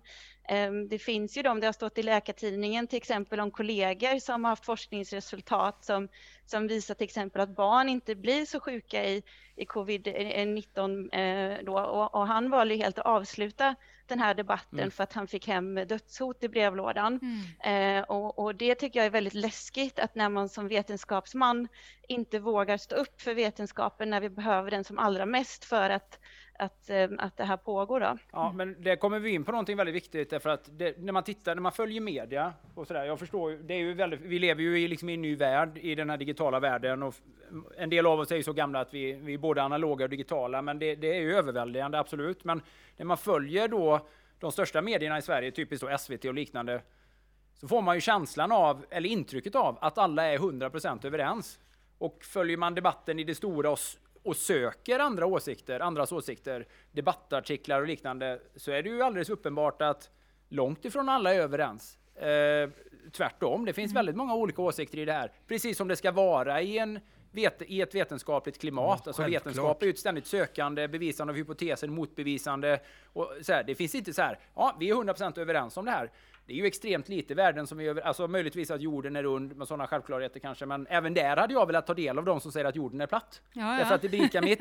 Och då är det jävligt problematiskt, tycker jag, att vi har stora plattformar idag som har bestämt vad som är rätt och fel. Mm. Du kan inte få posta en ifrågasättande, alltså ens en disk, frågan är om det här skulle kunna hamna på Youtube och liksom så här plockas bort därför att det är, ja, det är för, det är för fel. Det är liksom inte tillräckligt rätt i sammanhanget. Plattformar som exempelvis Youtube, som regeringen själva använder som en informationskanal. Det tycker jag blir extremt problematiskt och tror jag landar i det som du var inne på Fredrik, att det blir vi och dem. Därför mm. att det blir, in, och det handlar inte om att vara konspiratoriskt lagd, det handlar inte om att eh, tro på, eller liksom, ja, ja, precis vad jag sa, att vara mm. konspiratoriskt lagd. Men bara att debatten blir extremt sluten och liten och begränsad. Och det i sig blir eh, väldigt stressande tror jag när man läser, alltså det blir så här, ja, alla är helt överens. Det här, vi har till och med representanter i stora tv-soffor som själva också jobbar för läkemedelsindustrin, som uttalar sig i egenskap av vaccinexperter och så vidare, vilket ju blir extremt suspekt mm. och konstigt och mm. Eh, ologiskt. Eh, återigen kognitiv dissonans för mig som då lekman, men som väldigt intresserad lekman. Vi, eh, vi ska få med, eller vi får precis eh, i detta nu med eh, ytterligare en talare. Hej Ralf eh, Peker eh, som är professor och överläkare vid Sahlgrenska universitetssjukhuset i Göteborg. Du är på kaffepaus nu, eller hur? Faktiskt så gick det lite snabbare än jag trodde här. Jag, jag blev precis klara med mina elever. Det är pilotelever som jag har lärt mig lite grann hur kroppen funkar och eh, hur lätt man kan fatta felaktiga beslut på grund av bad decision making och sånt där. Det var en rätt kul föreläsningar det här. Spännande. Men jag lär dem allt om hjärta och lungor och ögon och öron och balanssinne och sånt med. Kul! Men nu är jag med er. Underbart! Ralf, du är hjärtligt välkommen. Eh, eh, vi är eh, en halvtimme in lite drygt i programmet. Bara så att jag får koll på, på, på min spelplan. Hur länge har jag med dig i startelvan? Nej, men jag, jag kan vara med ett tag nu. Jag har inte så jättebråttom. Men eh, räcker en kvart? Nej, men vi är glada för den tiden vi får, Rolf. Du, vi har avverkat en mängd... Hej Jonas förresten! Hallå Ralf! vi har avverkat en mängd olika frågor och för din vetskap så har du eh, fem eh, eh, läkare, fyra läkarkollegor med dig och du har ytterligare två stycken eh, representanter med på länk och så oss fyra som du ser här inne i studion. Men du Ralf, jag tänkte en fråga som du och jag bollade lite kort innan det här eh, drog igång, den här inspelningen, var jag kan inte låta bli att vara lite nyfiken på hur det kommer sig att läkarkåren ofta upplevs som lite tyst att prata om det faktum att livsstilsrelaterade sjukdomar är en så stor bidragande orsak till att man riskerar att bli svårt sjuk. Eh, det är ju, eh, det, jag vet inte om det är bevisat att det är så, men det är ju uppenbarligen så att man tillhör riskgrupp. Jag upplever inte att man pratar så himla mycket om det. Vad, vad, vad säger du? Ja, alltså jag, jag, skulle nog inte vilja säga att det är sådär alldeles tyst om den saken, men eh, jag, jag, är ju inte riktigt bekväm med nuvarande nivå med, med det kunskapsläget som är nu jämfört med bara, bara för 10-15 år sedan så, så tycker jag gott att man kan så att säga sträcka lite mer på sig och jobba lite mer framåtlutat som läkare. Um, och det där med att, uh, att, att livsstils, livsstilen och eh, det som kallas för vällevnad, som jag hellre skulle vilja betrakta som skörlevnad, är, är någonting som uh, leder fram till en jävla massa oönskade hälsostörningar. Och, Eh, inte bara hjärta utan många andra saker också. Den saken är så att säga helt eh, klarlagd. Eh, sen, sen hur mycket de, varje enskild faktor spelar roll för sig, det är ju som sagt väldigt svårt eftersom vi pratar om det också, det här med att göra interventionsstudier är ju jättesvårt att lotta folk till att göra det ena och det andra. Du får inte röra på det alls och du ska röra på det så här mycket. Och sen så ska ni håller er till det i 20 år, sen utvärderar vi sen och i övrigt ska allt annat vara lika. Det är en omöjlig studie, den har aldrig gjorts, kan aldrig göras. Men vi har ju ändå väldigt gedigna observationsstudier att luta oss mot med så mycket som alltså flera, flera hundratusen studerade objekt, va, där vi har liksom eh, cardiorespiratory fitness då och, i, i relation till till så att säga deras fysiska aktivitetsgrad. Inte bara självskattad utan också vad de faktiskt har presterat på en testcykel. Men då menar du Ralf att, att, att för att man inte kan göra då den sortens studier över 20 års tid, att man inte får den form av, av bevisning, är det det som lite grann ligger till grund för att man inte eh, kopplar in den växeln, eller vad? Det, det, kan vara, det kan vara delvis det, men sen finns det andra skäl också. Um, vi, om man tänker sig eh, jag, jag har nog den upplevelsen att väldigt många primärvårdsläkare har, har börjat ta tag i den här bollen nu och är beredda att spela den. Va? Men, men om vi tittar exempelvis på situationen nu med, med hur vi har det med, med covid-problematiken och vaccinationen och alla de sakerna. Står man alltså inför ett superakut jätteproblem där man inte helt, man kan inte lösa folks problem genom att, genom att be dem att börja träna och äta vettigare och gå ner i vikt. Eh, sluta röka kan man faktiskt det, får effekter redan efter några veckor faktiskt, eller någon månad i alla fall, några månader. Så har man, så har man minskad risk för problem om man slutar röka. Varför är det ingen som gapar så... det då Ralf? Varför är det ingen som säger det? Alltså offentligt? Ja, det säger vi ju hela tiden. Nej, jag, hör, jag har inte hört det på något enda, jag har inte hört det på TV4, på SVT eller någon av de stora mer. Ingen ropar det. Jag förstår att ni säger det i enskilda samtal, och det är såklart jättebra, och det är ju bara läkarens ansvar att agera där inne, men varför ropar ingen det från läktarna? Ja, det där med rökning kan jag säga, det tycker jag faktiskt att man gott skulle kunna ropat ut. Därför att det är ju en sån där sak som att om, om, du, om du kan hålla dig från rökning i två månader och så får du covid, då är du faktiskt fan så mycket bättre ställd där. Att, att slippa hamna på IVA eller dö. Eh, det, det, är ju inte helt säkert, men det är en bra grej att göra som, man, som vi ser har väldigt stor effekt när vi gör operationer på folk, hur väl de hämtar sig. Va? Men, men, men sen är det ju som så här att där var man i det läget där man fokuserade allt på vacciner och man visste det att innan, om vi inte får till det med vacciner, så har vi två andra val att välja och det är att stänga ner hela samhället med fruktansvärt svåra effekter för ekonomi och, och um, kulturellt och socialt och allt möjligt. Eller så får vi skyffla ehm, lik i, i, i stora bodybags ombord på militärbilar som vi kör iväg till massavlastningsplatser som man fick göra i norra Italien, i Spanien, i Brasilien och Thailand. Va? Och, och, då när man, när man står i det läget, ja då har väl folk helt enkelt inte tyckt att vi, vi tjötar inte om den här jävla livsstilsgrejerna nu, vi får ta det någon annan gång. Det är den bästa förklaringen jag har att ge. Och, och så står några enstaka då som jag då och fortsätter att köta om det i alla fall. Då, men, men liksom att jag och några till gör det, det är ju bättre att, än att inga gör det. Mm. Peter, du vinkar. Ja. Jo, men som, eh, som distriktsläkare som har jobbat väldigt mycket med eh, personliga samtal med folk som eh, kanske behöver verkligen jobba på kost och motionsvanor. Det är ju väldigt svårt, trots fina argument och bra exempel, både med skrämselpropaganda och med liksom mer uppmuntrande ton, att få folk att börja ändra sina levnadsvanor. Det är väldigt väl etablerat att jag har ju verkligen lagt jättemycket tid på jättemånga patienter i alla år liksom, som distriktsläkare. Och det är oerhört svårt. Det kan vara en tänkbar orsak också, att det är svårt att hitta liksom en eh, så att man jobbar med det som att Magdalena Andersson skulle stå och prata om det. Absolut, det är mm. väldigt fördelaktigt om vi gör det. Det är bra om det får mer utrymme. Det kan jag hålla med om liksom, och kanske ta till mig av kritiken, även om inte jag är någon offentlig person så att säga, eller når ut i några kanaler. Nej, men, men Folkhälsomyndigheten skulle sagt det. Det är det jag menar, alla de här Absolut. samtalen. Sverige har satt sig ner, folk har suttit i soffan, folk tar mm. Stefan Löfven på orden, håll i, håll, håll ut.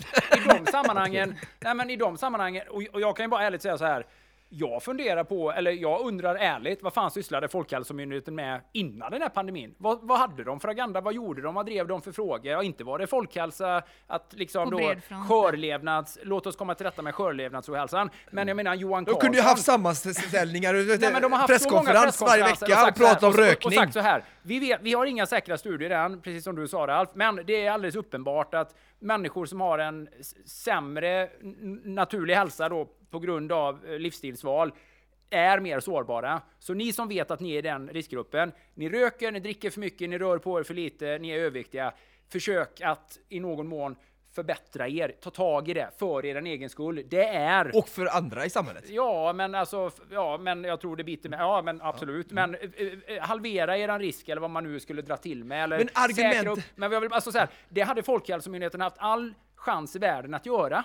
Men nu fokuserar man bara på liksom patologin, alltså viruset, eh, inte alls på så här att eh, se till att komma så väl rustade in i det här som möjligt. Vi är ju en och ett och ett halvt år in i det här nu. Vi har haft, fan, alltså, hund, alltså Anders Tegnell, han har ju suttit i Aktuell Studio hur många gånger som helst, men han har ju fan en egen entré in till SVT vid det här laget.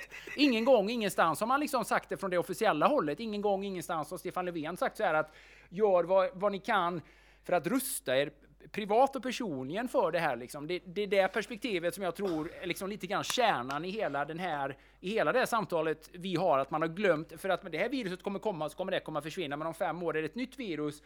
Och, och, det, och, och, liksom, och någonstans är vi i det här. Och vi måste stänga in oss, vi måste hindra människor från att träffas, vi får inte kramas, vi måste liksom begränsa allting. Stäng simhallar, stäng gym, du får inte gå ut och springa, var solidarisk, var lojal. Men det är ju helt fel väg det är ju helt fel, det, kan, det är ju helt fel väg att gå. Visst, vi kan skydda eh, sjuka och svaga och sårbara genom att inte se till att de träffar 30 timanställda på en vecka som kommer och eh, vårdar dem i hemmet. Men det är precis det tror jag, där jag fattar att ni har ju en jävla uppförsbacke. Ni jobbar med en och en, one-on-one-samtal. Det är jättesvårt att övertyga, men alltså när man har hela folket framför tv-sofforna, eh, i tv, alla sitter och tittar på det här. Ingen gång, ingenstans så liksom lyfter man den här självklara frågan. Och det är förvånande. Är man rädd? Är man liksom, tycker man, är man rädd att det ska upplevas som kränkande eller jag vet inte vad? Vad tror du Ralf är anledningen till att man inte hör Anders Tegnell? Eh... när de är, nu kan man väl säga jag får nog hålla med Jonas om att det här var något som Folkhälsomyndigheten borde jobba med fram mycket mer framåtlutad innan. Va? Mm. När man befinner sig i den här saken, då får man nog jävla med sig till att släcka det, det brinner och sen efteråt fundera varför det börjar brinna. Men, men eh, en grej som jag tänkte liksom, när jag hörde Magdalena Andersson i, i morse, liksom, hur hon formulerade sig, liksom med, eh, på ett ord så här, gå nu och vaccinera er. Det var bara för helvete som saknades. Och hon det kan jag tänka mig liksom en sån grej när vi väl har, eh, har vi kommit ut i alla värsta här nu, att hon kan säga så här. Va?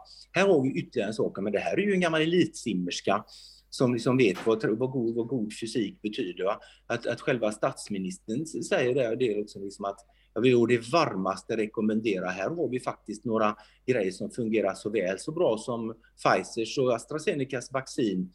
Och som jag berättade för dig eh, som har berättat för Oskar i alla fall, jag vet inte om jag berättade för dig Frida, så, så är ju det här praktiskt taget också ett vaccin mot demenssjukdom. Va? Det, är, det är faktiskt inte särskilt många som känner till att, att det är ett sånt bra vaccin för demenssjukdom. Han pratar alltså om äh, fysisk aktivitet nu? Ja, där pratar vi, och där säger vi som så här, den, den gruppen som studerades där, det var, det var 200 kvinnor under 50 år. Hade de demens när de dog eller inte? Det är en observationsstudie som heter DUGA. Om de hade peak performance 130 till 136 watt. Det är inte jättemycket. På cykel? Mm. Då, ja, då var de då, ingen fick demens där. Alla de som hade under 80 watt, det fick hälften demens. Den här sjukdomen som ju för fan står längst ner på alla människors önskelista att få. Va? Det vaccinet tycker jag man kan prata lite högre om. Mm. Mm. Sen tror jag också det är så, hej Ralf förresten, kul att se dig, Amanda här igen. Kul att se dig Amanda. Mm, mm. Eh, men eh, förändringar som sker långsamt i samhället, om man tänker från stenåldersmänniska till nu, hur vi successivt har blivit mindre rörliga, vi sitter mer stilla. Eh, alltså de här förändringarna är svårare att lägga märke till. Alltså att se någon som sitter framför tvn eller scrollar på sin mobil är ingen ovanlig syn för oss idag, även om det här beteendet också har ihjäl miljontals människor om året och leder till förtida död och livsstilssjukdomar och så vidare. Eh, men det här när en viruspandemi slår till eh, och man kan titta på dödssiffror och sjukhusinläggningar direkt så blir det så konkret för oss här och nu och på något sätt så får det här mer genomslag i, i, eh, i media också. Det finns ju massa andra positiva upptäckter i, i världen med som, som har skett långsamt, alltså med flickors skolgång och vaccinationstäckning och ekonomi och BNP och allt vad det är, men som vi inte ser på nyheterna för att det här är långsamma förändringar. Mm. Men när en viruspandemi slår till pang bom så blir det väldigt konkret för oss här och nu och, och det har blivit en, en hysteri i media och alla de restriktioner som har tagits till har inte varit vad jag kan tycka utifrån min medicinska expertis bara baserat på på eh, medicin, utan det har varit mycket politik i detta.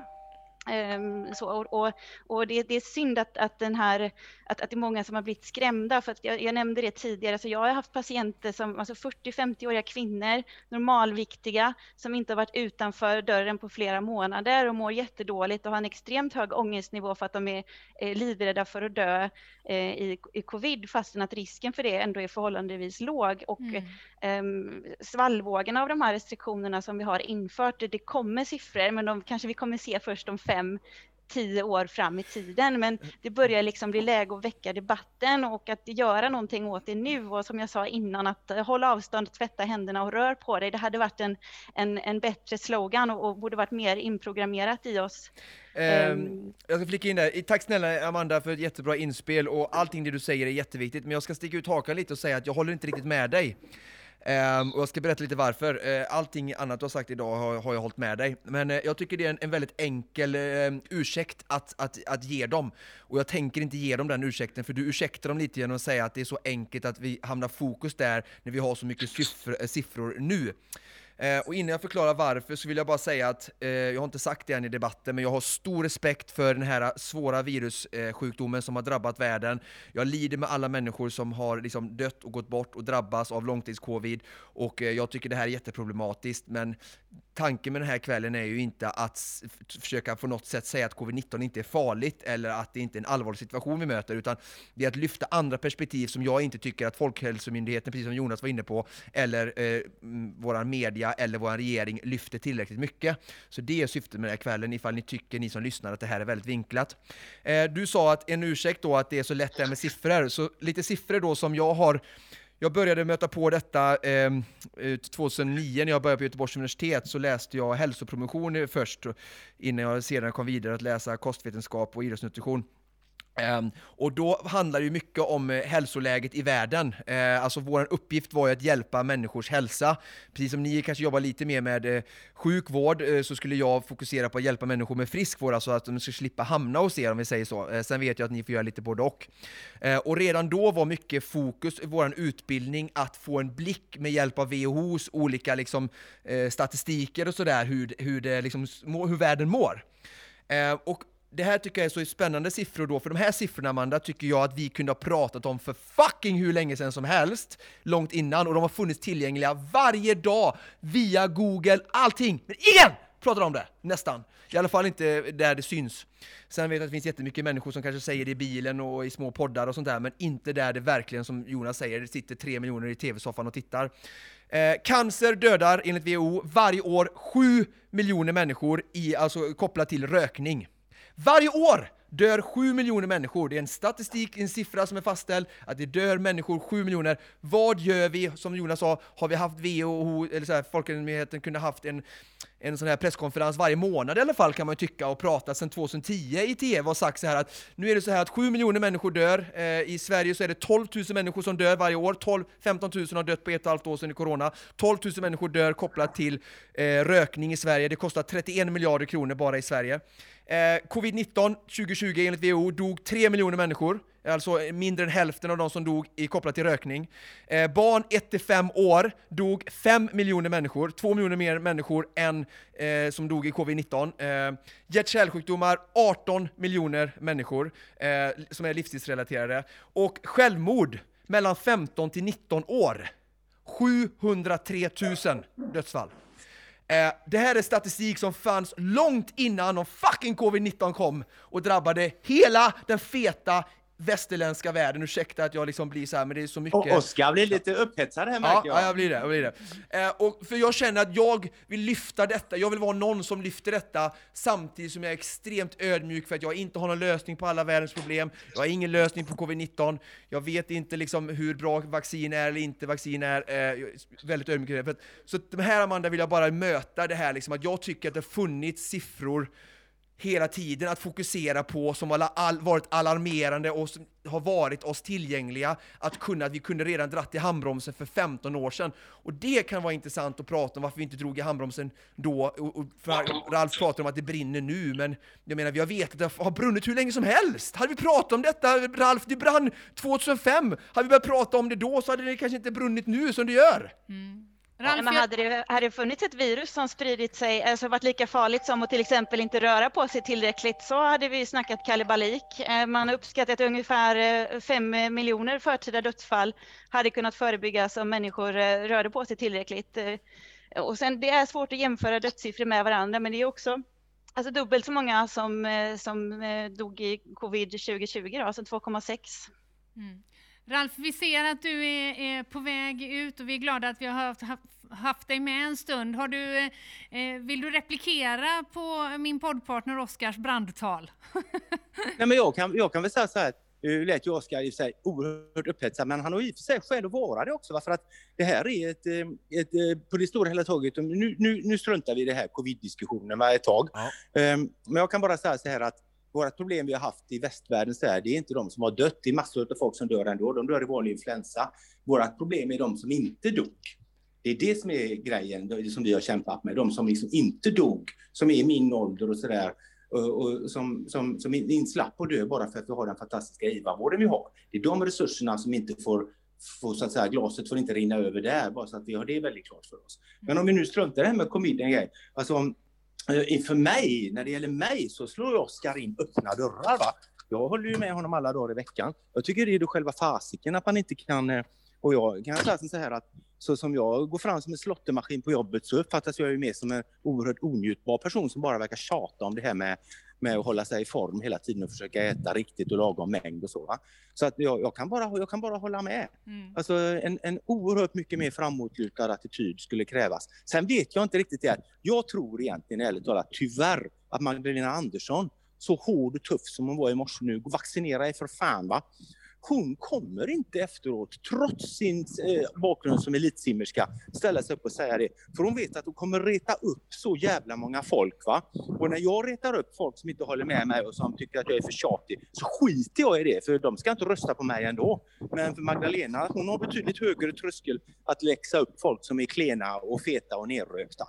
Men bara så att, vi, bara så att vi, vi, jag förstår dig rätt då Ralf, du uppskattar alltså att, att eh, eh nytillträdda statsministern Eh, med hårdhandskar säger gå och vaccinera er. Ja, men jag vill att hon med hårdhandskar ska säga, ska säga mycket mer saker också. Just det. det tycker jag gott hon kan göra. Men det tror inte hon kommer att göra, för det är väldigt svårt för politiker att göra det. Mm. Ja. Varför är det lättare för henne att säga att gå och vaccinera dig Oskar istället för att gå och sluta rök din fete gubbe? Och det är för att de inte röstar på det. För jag har inte vaccinerat men jag kommer inte rösta på henne heller i och för sig. Så att...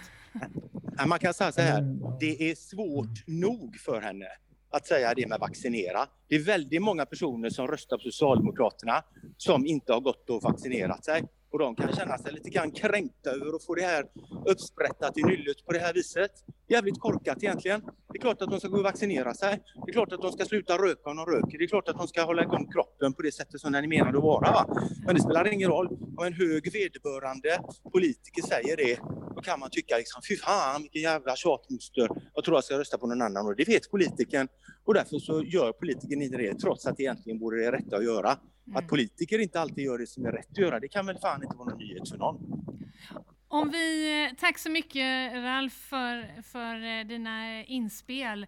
Ja, eh, tack så jättemycket. Om vi håller oss kvar kring vaccineringen lite grann och den frågan som eh, i, i mångt och mycket har handlat om eh, nytillkomna regler kring vaccinpass exempelvis. Eh, Niklas, jag vet att eh, du och Jonas lyfte ju detta i ert senaste poddavsnitt, eh, att det nu kommer att, att krävas vaccinpass för diverse aktiviteter. Vad tycker ni i den frågan? Frågan och vad det får för konsekvenser? Nej, vi är väl inte, jag och Jonas är nog inte positiva till vaccinpass, det kan man inte säga.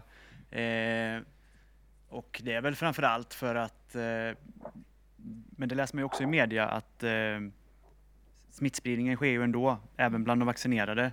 Och jag kan tycka att det känns som att de som är vaccinerade känner sig säkra och kan gå ut och kanske blir en större eh, smittspridare än de ovaccinerade då, som stannar hemma för att man kanske känner sig säker men ändå smittar. Men jag vet inte om man smittar mer när man är vaccinerad eller inte. Det förekommer ju båda uppgifterna så det är, det är jättesvårt för mig att ja, veta om det är så. Men det finns ju andra aspekter av det, att bli utstängd från samhället på grund av det. Mm. Ett beslut som man har tagit. Björn, vad säger eh, läkarkåren om, i, i frågan om vaccinpass vara eller icke vara? Mm. Alltså, som svar på din fråga om man smittar mer eller eh, förlåt, smittar mindre om man är vaccinerad. Mitt svar är ja på den, att man smittar mindre. De studierna som har gjorts har man sett att man, när man toppar sin virusmängd i näsa och svalg så toppar man ungefär lika mycket, alltså man har lika mycket virus där som en ovaccinerad, men man har det under mycket kortare tid. Och är man sjuk i tre, eller om man är sjuk i fem eller i åtta dagar. Det är en jävla skillnad alltså. Eh, sen handlar det också om att skydda sjukvården från personer som eh, blir svårt sjuka i covid. Vi måste spara våra IVA-platser, vi måste komma ikapp med annan typ av vård nu. Och eh, då tycker jag att covidpass i nuläget är bra för att komma in på större tillställningar inomhus. Mm. För det är där vi smittar som mest. Och det räcker egentligen med det argumentet att man faktiskt blir mindre sjuk och eh, man har mycket mindre risk att hamna på IVA som vaccinerad eller på sjukhuset. Och det räcker, vänta, vänta. Ja. Det, räcker som, det räcker som argument tycker jag just nu. Sen får vi utvärdera det. Men just nu får ovaccinerade köpa att inte kunna gå på inomhuskonsert ett tag framöver. Det är min åsikt. Men varför hade det inte varit, eh, varför hade man inte kunnat om det nu är så att ja, nu tycker vi att det är allvarligt här igen och vi ska försöka att eh, ja, med de argument, med de goda argumenten som du framför där Björn, och jag förstår dem. Men att säga så här. Eh, ja, du måste bevisa att du är frisk. Ja, här kan jag visa upp ett eh, dagsfärskt test på att jag har antikroppar eller ett, eh, ett PCR-test då som är negativt. Eller att jag kan cykla 136 watt som eh, Ralf ja, sa. Men, men, men, men att, men, att, man kan någonstans få bevisa sin oskuld om du förstår vad jag menar. Med samma retorik att man faktiskt kan vara smittbärare och sjuk när man är vaccinerad. Det hade varit mycket mer rimligt att man säger så här vaccinerade och ovaccinerade. För jag menar, jag kan som tillägg till Niklas eh, argument säga så här att ja, ett argument mot vaccinpass är ju att vaccinet verkar vara ganska dåligt, ganska ineffektivt. Det kräver ständig påfyllnad. Eh, det verkar finnas ganska mycket falsk trygghet, osäkerhet och så vidare kopplat till det. Hade det inte bara varit bättre att sagt så här att man ska testa sig för antikroppar, du ska kunna påvisa att du är frisk? Hade inte det varit mycket mer rimligt i sammanhanget? Eh, Jonas, eh, en del länder gör så. Ja. Det, det, är lite olika sätt att uppnå samma mål ungefär kan man väl säga. Sen så att ja, det kan man väl, ja, så kan man väl tänka. Eh, det är inget fel att tänka så. Jo, men det gör man inte i eh, Sverige. Nu. Men jag kan ju säga så här att eh, det är viktigt att vara klar över det här med att man får fylla på vacciner och så. Det är ju väldigt vanligt. Det är snarast ja. regel än undantag, så det är inget jättekonstigt. Det behöver inte innebära vaccinet är dåligt för det. Björn, vill du replikera? Ja, ja och jag, jag håller jag faktiskt med det där. Innan Björn, innan Björn ja. replikerar ska jag bara säga så här. Jag ska sätta mig i bilen och köra nu och jag kan inte vara med längre då, men jag vill tacka så jättemycket för att jag blev inbjuden. Och jag hoppas det kunde vara till någon nytta i alla fall och önskar er fortsatt lycka till på det här viktiga jobbet ni gör, för det här tycker jag faktiskt är väldigt bra. Tack så mycket Ralf Pekers. Vi Tack, uppskattar att du ja, eh, tog snälla. dig tid denna kväll. Verkligen. Vi hoppas att du kommer att vara med i podden i fler sammanhang när vi pratar om viktiga frågor. Definitivt. Eh, diskussionen... You, you got my number. Ja, det är underbart. Jag säger som Arnold Schwarzenegger, I'll be back. Tack så mycket. Och från en 00 till en annan. Björn, varsågod är det så svårt att följa upp Ralf. Han kommer in med så mycket energi liksom. Men eh, eh, Jonas, jag, jag, det där resonemanget håller jag faktiskt med om. Alltså så här, kan man visa upp att man, man, man är frisk i, i hyfsad närtid, kanske samma dygn, eh, eller att man har antikroppar. Ja, alltså har man antikroppar som man skapat själv av en eh, genomgången infektion så, så tror vi att vi har ungefär samma skydd som en vaccinerad fall. Den data jag har tagit del av mm. visat. Så att det är absolut ett alternativ. Frågan, eh, det tycker jag.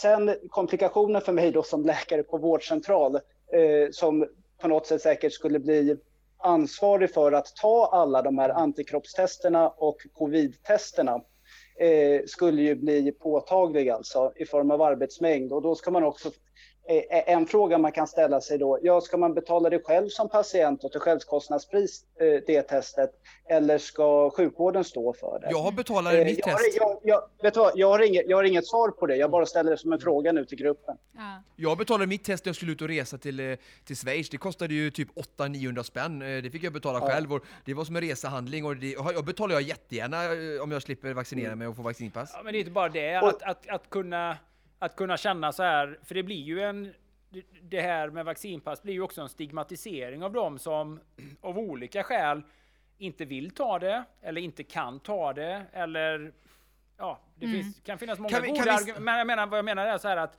det hade varit ett sätt att bara få visa att man har, har rätt i de här sammanhangen. Det är ett konstigt sätt att uttrycka sig i en demokrati, men att man har rätt att få vara delaktig i ett sammanhang där andra människor är.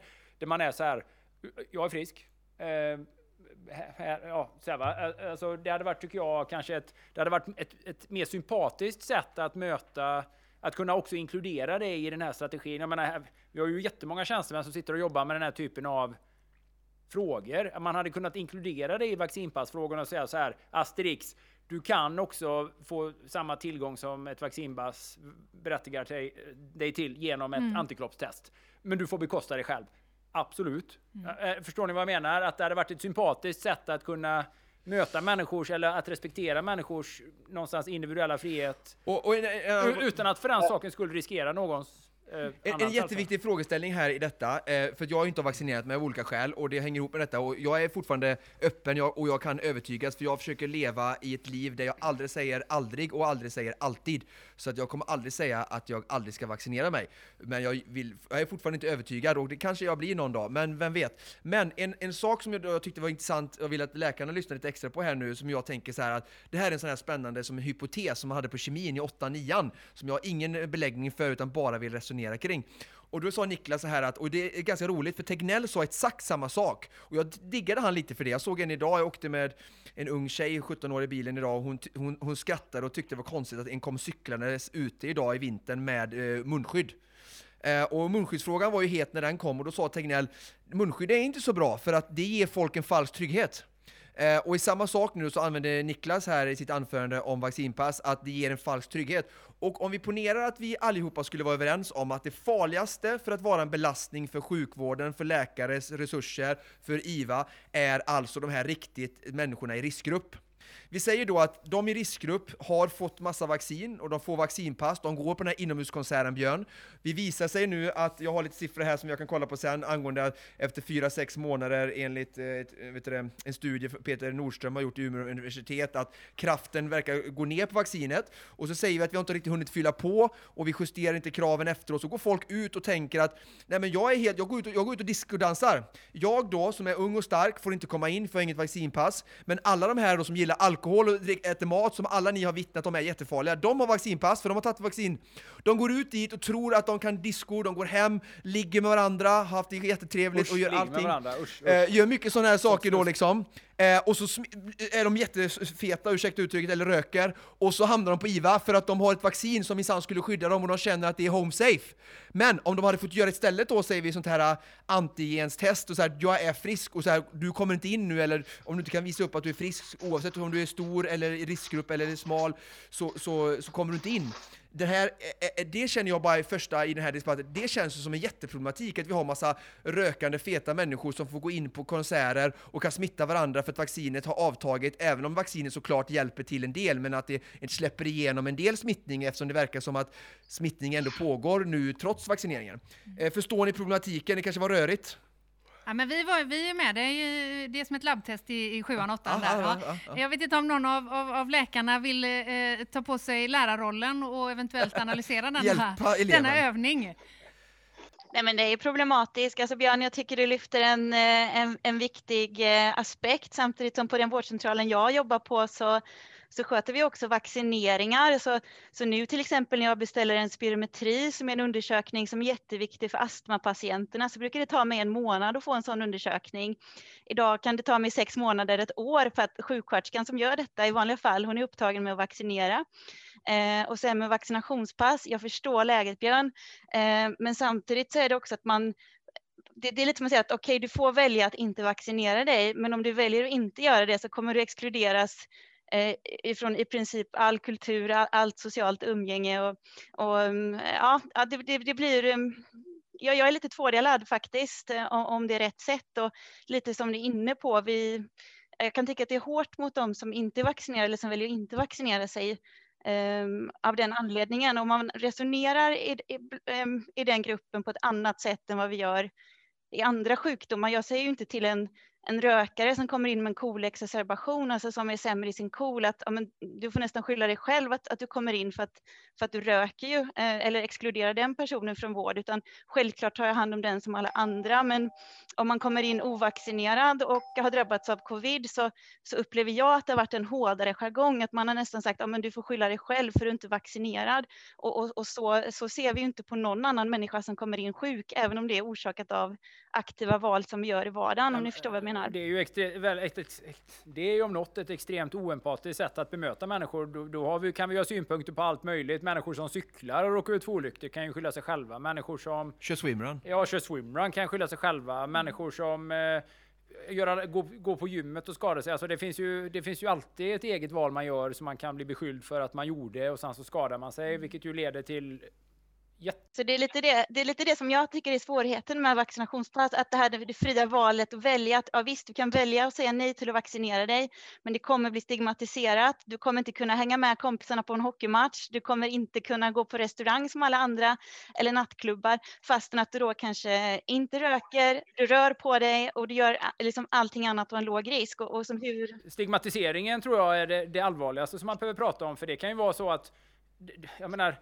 det har ju varit en självklarhet i vårt land under väldigt lång tid att någonstans att man de medicinska eventuella åkommor som man har, det kan finnas medicinska skäl som gör att man inte vill eller kan vaccinera sig eller bör vaccinera sig. Eh, man kan lida av sjukdomar eller andra orsaker. Överhuvudtaget är ju våran medicinska historik och mediciner vi äter, det är ju alltid varit en privatsak. Om en kvinna gör abort, det är hennes privatsak. Man, man har någonstans en självklar rätt till den egna kroppen. Mm. Staten äger inte kroppen. Men i det här fallet blir det lite grann på det sättet. Åtminstone blir ju det en kollektiv press och påverkan att upplåta sin kropp till det. Och jag tycker det pratas alldeles för lite om frivilligheten i det här. Absolut, det är ingen som håller en pistol till, till huvudet på någon. Det är ingen som, som juridiskt tvingar någon. Men de kollektiva påtryckningarna kan faktiskt fungera på exakt det sättet. Mm. Därför att det blir väldigt tydligt om man som företag ska gå och äta julbord och det är en person som inte kan följa med. Mm. Någonstans. Mm. Så, så, så. Innan vi släpper in dig Björn, Emma vinkade eh, tidigare önskan om en replik. Ja, men jag tänker, jag jobbar som stödassistent med funktionshindrade. Och just det här med covidpassen eller de bitarna, att det är inte bara Alltså om jag, tyckte, jag är vaccinerad och har covidpass, på grund av mitt arbete. Men vi har ju alltså brukare som kanske vill gå på hockey eller på fotboll eller de här, som kanske inte kan göra det just nu för att personalen de har inte har ett covidpass. Så det är inte bara vi som enskild person om man säger i det här, utan det blir ju också att andra som då med personer med funktionsvariation till exempel, om man bor på ett boende, inte kan göra sina aktiviteter på grund av att det finns personal som inte då har covidpass till exempel. Och sen har vi de som... Och då blir det en annan person som blir drabbad i det också. Ä... Så att... Emma, du har, ja. ju, du har ju några med i din bekantskapskrets också som har eh, drabbats av eh, Eh, nu kanske det inte är konstigt att säga så, men du har ju några personer som har drabbats av ett annat vaccin och fått eh, bi, tuffa biverkningar. Och jag tänker, de människor som har de biverkningar, de kanske inte vågar sig vaccinera sig och de blir också exkluderade ur samhället. Mm. Nej men absolut, jag menar, visst jag var ju likadan när vi skulle jag har inte narkolepsi, utan jag har idiopatisk hypoceni som är en sömnsjukdom som är en sidogren till narkolepsi. Och jag fick inte den av, av svininfluensavaccinet, fick jag inte, utan jag har fått det annars ändå. Men jag har ju några vänner eller några som jag känner som har fått eh, narkolepsi på grund av det vaccinet som vi fick då förut. Och jag var ju likadan när vi skulle få det här nu med, med eh, covidvaccinet, att ja, men jag vill inte ta det för jag vill inte riskera någon mer sjukdom än vad jag redan har i det. Så jag var verkligen så att, mer också det här att jag vill ha ett intyg från läkaren att jag inte kommer bli sjuk. Alltså det var ungefär så jag kände. Men sen också på grund av mitt yrke, att jag också då jobbar med personer med funktionsvariation, eh, så kände jag att okej, okay, men jag tar sprutan. Då, så att, mm. Ja. Ja, tack så mycket Emma Söderlind för det inspelet. Björn. Innan vi lämnar eh, eh, eh, vaccinfrågan, Björn du vinkar och om det är någon annan som vill eh, inflika.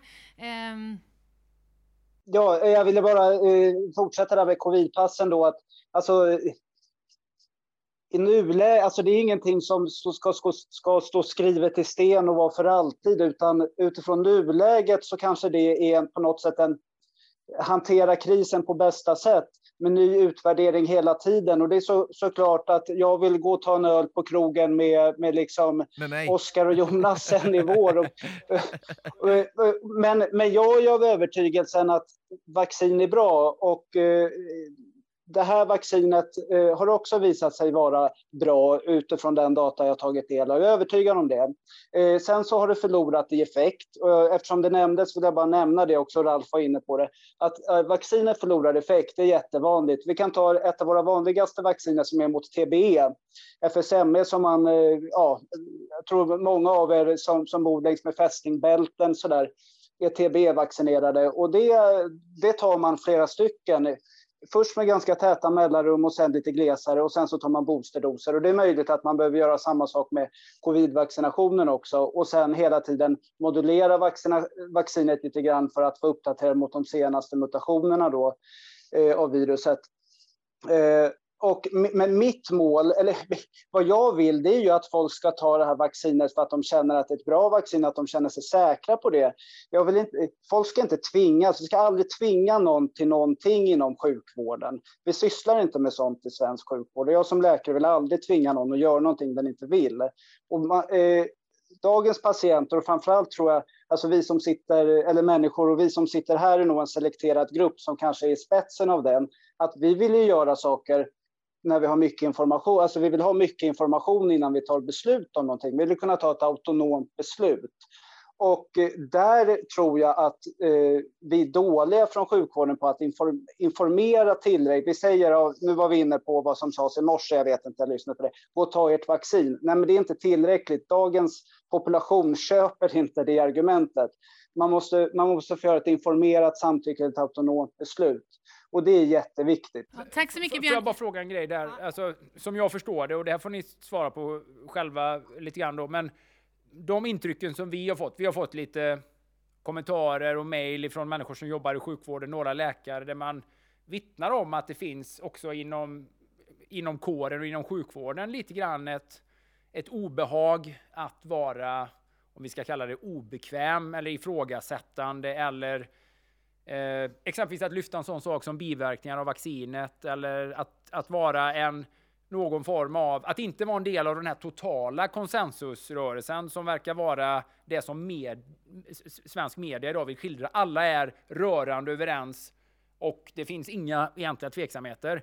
Det är mycket rimligare tycker jag att man pratar också om tveksamheterna, för det finns alltid tveksamheter runt allting. Det finns ju inte en enda medicin som inte också har en biverkan, hur positiv man än är till den, så mm. finns det ju ändå någonstans en, en, en logisk eh, eh, liksom insikt i att ja, det finns det en konsekvens, det finns det en effekt, så finns det liksom någonstans en konsekvens också. Mm. Men att, men just att den här, och fråga er hur ni upplever att, att, att, så här att ja, men det finns lite grann en, eh, en konsensussjuka också hos, hos, i läkarvården, hos läkare, hos sjuksköterskor, där man liksom inte riktigt, jag menar, man vill inte vara obekväm, folk vill inte bråka med folk på jobbet. är det någon av eh, läkarna som vill eh, replikera på, det, på den mm. tanken?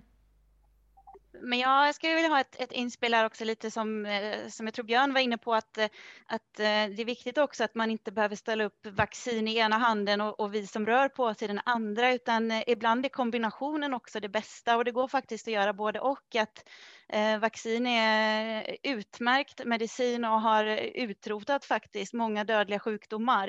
Eh, men den här andra biten, eh, den missas helt och, och det är väldigt lätt att vi hamnar där som läkare just för att idag finns så otroligt mycket vi kan göra med mediciner och kirurgi. Alltså vi är så jäkla skickliga kan jag stolt säga.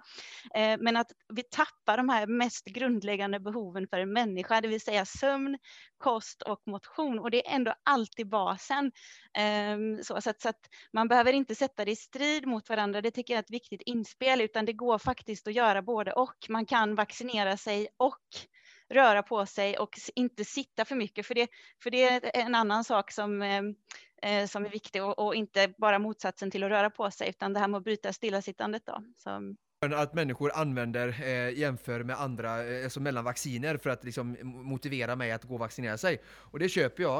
Eh, enligt Läkemedelsverket så har 39, 339 personer dött av eh, covid-vaccin. Eh, Eh, det är publicerat på Läkemedels hemsida. Eh, är det en normal siffra för ett sånt här ungt vaccin? För det skulle kunna vara en siffra som skrämmer folk. Har TBE dödat så många i biverkningseffekter kopplat till att man har fått TBE-vaccin till exempel? För du jämförde ju de här två och sa att de här är typ lika.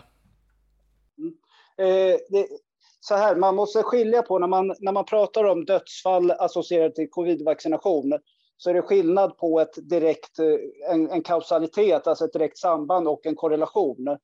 Och de här dödsfallen eh, registreras, så vitt jag vet, och, ja, men så här är det, att de, de registreras ju om man har dött i samband med att man har fått vaccinet. Och då pratar vi inte att man har fått vaccinet och dör liksom, eh, på kvällen, utan det är ett visst tidsspann där. Och jag vet faktiskt inte hur långt det är, men eventuellt några veckor. Eh, rätta mig om jag har fel, ni andra doktorer här. Men så att har du fått vaccinet och så dör du sen någon vecka eller två efter, då, då, då ingår det i den statistiken. Men är det samma som TB? Har de samma statistik i TB? Eh, eh, eh, jag vet inte siffrorna för TB, men TB-vaccinationen är ju en supersäker vaccination. Eh, absolut.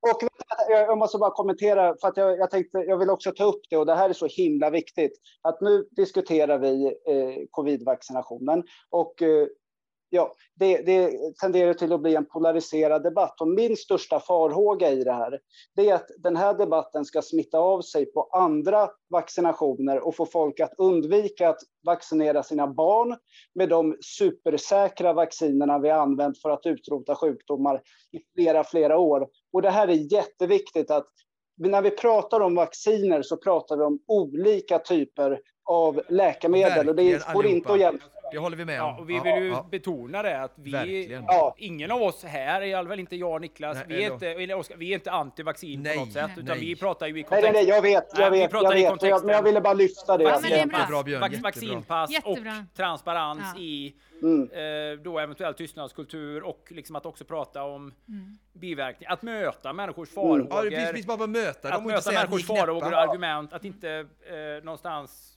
kallar kalla vissa saker för desinformation för att man ens lyfter en frågeställning och sådär. Det som har blivit obagligt. Vi pratar liksom om den eh, egentligen debatten om debatten mm. mer än ingen av oss ifrågasätter vaccin som sådant. Bara kom till Björns kommentar kring de här 339 som har florerat på liksom sociala medier som kan skapa just den här typen av rädsla som Björn beskriver som är farlig. Bara ett sånt bemötande som vi lyfter här idag tycker ja. jag är superviktigt som jag inte har hört innan. Så jättebra. Vi vill, eh, Fredrik har eh, vinkat som eh, ett inlägg i vaccin diskussionen. Som, som eh, lekman då, eh, så jag har ju liksom jag sitter ju och lyssnar på er som är läkare och även eh, Ralf som var med tidigare är också läkare. Eh, och liksom, det jag tror saknas är ju logiken i, i varför ska man egentligen vaccinera sig. Eh, logiken för min del är ju så här, när jag lyssnar på er, är ju att de som blir sjuka, alltså det är ju alla överens om, är ju merparten riskgrupp nu, nu är det här ju lite vita elefanten i rummet, liksom, men det är ju liksom, det är riskgrupp som blir svårt sjuka i corona, gemene man. För mig som är 39 år, väldigt frisk, tränar extremt mycket, är det större risk att jag blir träffad av blixten än att jag får svår corona. Alltså vad, vad, varför, varför ska man då gå och vaccinera sig? Det är en lojalitetshandling om inte annat eh, för att skydda eh, de som är multisjuka äldre. Sen är det ju ofta så att eh, många som argumenterar mot vaccination ofta lyfter fram potentiella biverkningar av vacciner. Och vi har ju sett en del proppar i ben och lunga och så. Och där om man sätter liksom sambandet med, det är ganska stor risk, eh, det var ganska stor risk i alla fall under 2020 att drabbas av covid. Det var en ganska eh, hög andel av befolkningen som gjorde det. Att drabbas av proppar eh, i ben och lunga till exempel vid covid är ju en otroligt mycket högre risk i eh, de som drabbas av covid än de väldigt, den väldigt lilla andel som får väldigt stor uppmärksamhet av de som har fått vaccinet och drabbats av propp eller så i den gruppen. Och tar man en jämförelsegrupp som inte så att säga vare sig har fått covid eller vaccin så är också förekomsten av sådana sjukdomar ganska hög.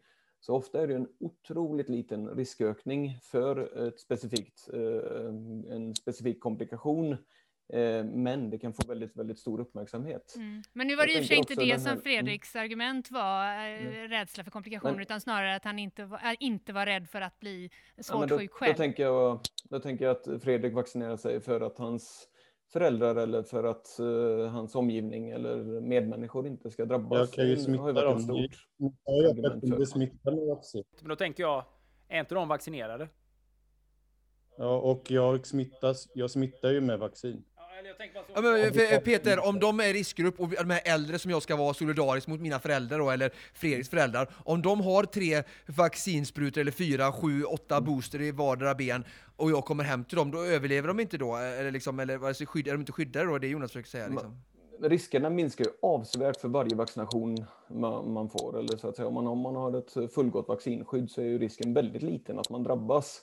Det är ingen och, som vet. Eh, vad sa du? Det är väl ingen som vet det riktigt. Det är väl för tidigt att säga sådana saker. Absolut jättevetenskapligt bekräftat att det är väldigt liten risk att drabbas av covid. Det är en eh, betydligt mindre risk om man är vaccinerad än om man inte är det. Så att både att för är du då vaccinerad så drabbas du i mycket mindre omfattning och då riskerar du dessutom då att inte föra viruset vidare. Har du drabbats av virusinfektionen när du är vaccinerad då är det kanske en, det, det är inte lika stora effekter, men det är en kortare tid man är sjuk som vi pratade om tidigare.